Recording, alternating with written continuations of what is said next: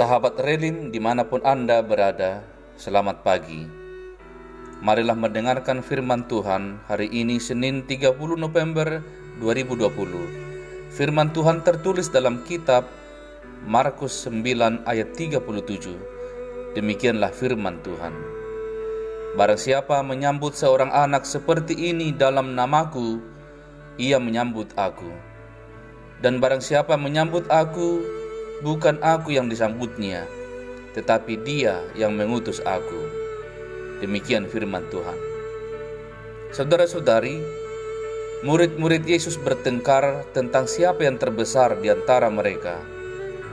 Yesus sadar bahwa murid-muridnya belum memahami misi Yesus sesungguhnya datang ke dalam dunia.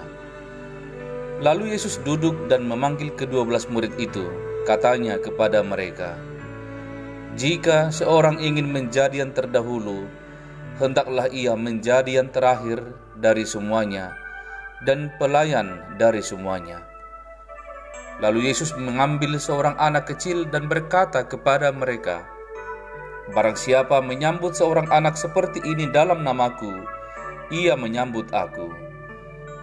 Yesus menggunakan metafora anak kecil untuk menjelaskan bahwa seorang murid harus menyerahkan dirinya untuk melayani.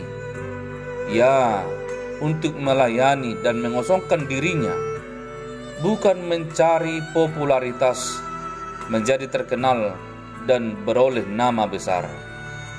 Saudara-saudari, sering kali kita terjebak ingin menjadi paling atau ter yaitu ingin menjadi orang terkenal, ingin memiliki gereja terbesar, ingin menjadi keluarga terkaya, ingin memiliki mobil termahal, ingin memiliki rumah termegah, ingin mempunyai gedung tertinggi, ingin menjadi wanita tercantik, dan kata ter lainnya menggambarkan ingin menjadi paling di antara yang lainnya.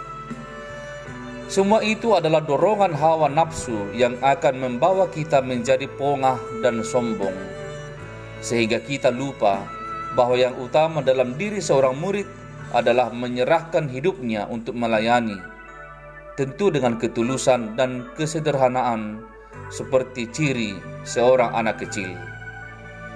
Maka ukuran besar dan berharga di hadapan Tuhan ketika kita mengalahkan ego, harga diri, kehormatan, dan nafsu ingin menjadi yang terbesar. Maka kita sebagai murid Yesus hendaklah mengambil sikap melayani dan merendahkan hati kita di hadapan sesama dan di hadapan Tuhan.